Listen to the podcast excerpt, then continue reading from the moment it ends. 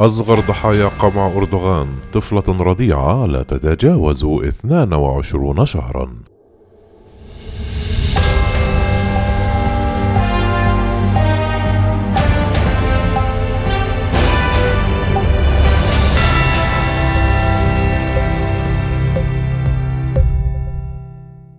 طفلة رضيعة تدعى ندى تبلغ من العمر 22 شهرا فجأة ودون سابق إنذار أصبحت بلا أب أو أم نتيجة السياسات القمعية.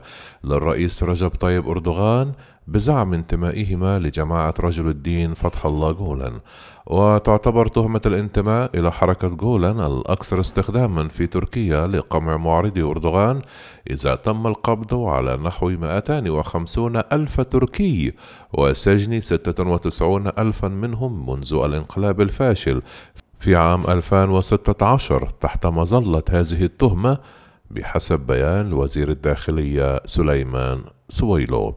وتعود قصة الرضيعة ندى إلى الثالث من ديسمبر الجاري بمدينة أزمير حيث ألقي القبض على والدتها توبا ووالدها أنس تشيشناك داغ ضمن حملة اعتقالات شملت 66 شخصا بتهمة مساعدة أقارب المعتقلين المنتمين إلى حركة جولن. وتم تقديم هؤلاء للمحاكمة بشكل عاجل الثلاثاء الماضي أي بعد أقل من أسبوع من إلقاء القبض عليهم.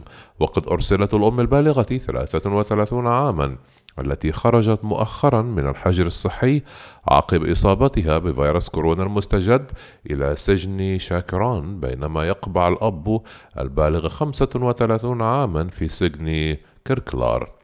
ونشرت والدة الرضيعة السلطات التركية في تصريح نقلته عنها صحيفة بولد التركية قائلة كنت في الحجر الصحي أنا أم مرضعة لابنتي. لا أريد اصطحاب ابنتي الصغيرة إلى السجن بسبب ظروف السجن ووباء كورونا. بصفتي أما أريد من المسؤولين أن يسمعوا صوتي. وهنا أصبحت الرضيعة بلا مأوى. وأصغر ضحايا قمع سلطات أردوغان بعد أن تم حرمانها من والديها وإلقائهما في سجون حزب العدالة والتنمية.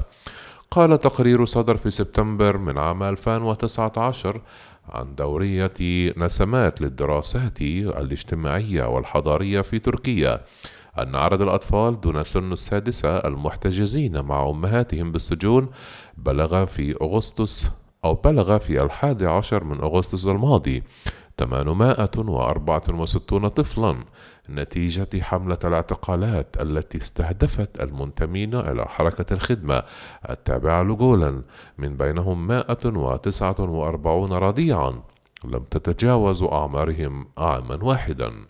التقرير استعرض نماذج لمعاناة الأمهات في السجون التركية وتناول قصص للسجينات وأطفالهن. فضلا عن معاناة الأطفال الأتراك المولودين خارج البلاد في الحصول على وثائق ثبوتية لانتماء آبائهم إلى حركة الخدمة.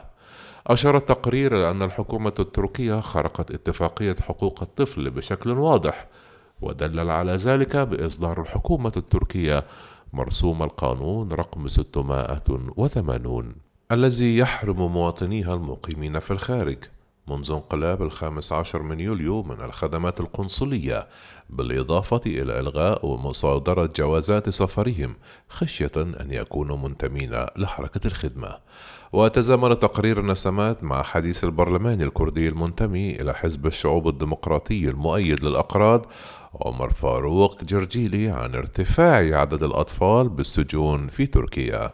وقال جرجيلي في تصريح صحفي إن حكومة حزب العدالة والتنمية تتعمد عدم الكشف عن أعداد المعتقلين داخل السجون مضيفا أن عدد الأطفال في المرحلة العمرية بين صفر وستة سنوات داخل السجون يقترب من ألف طفل بجانب أمهاتهم المتهمات بالانتماء إلى حركة الخدمة أو دعم الانقلاب الفاشل. وتطالب جمعية حقوق الإنسان والتضامن من أجل المظلومين. مازلومدر بتأجيل تنفيذ الأحكام بحق الأمهات المعتقلات أو الصادر حقهن أحكام. قال رئيس الجمعية رمضان بيهان في تصريح صحفي يتم السعي إلى حل ونتلقى أنباء مبشرة ونبذل جهودا منذ البداية في هذا الشأن.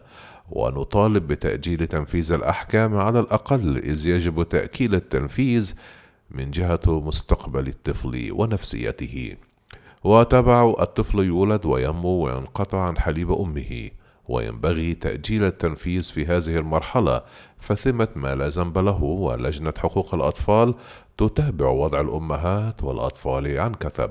وأضاف نتابع هذا الموضوع من خلال وسائل التواصل الاجتماعي وتصريحاتنا الصحفية ونطالب بضرورة تأجيل أحكام الأمهات الحوامل والمرضعات حتى لو كانت أما واحدا في السجن لها نفس الوضع. فينبغي أن نحول دون ظلمها.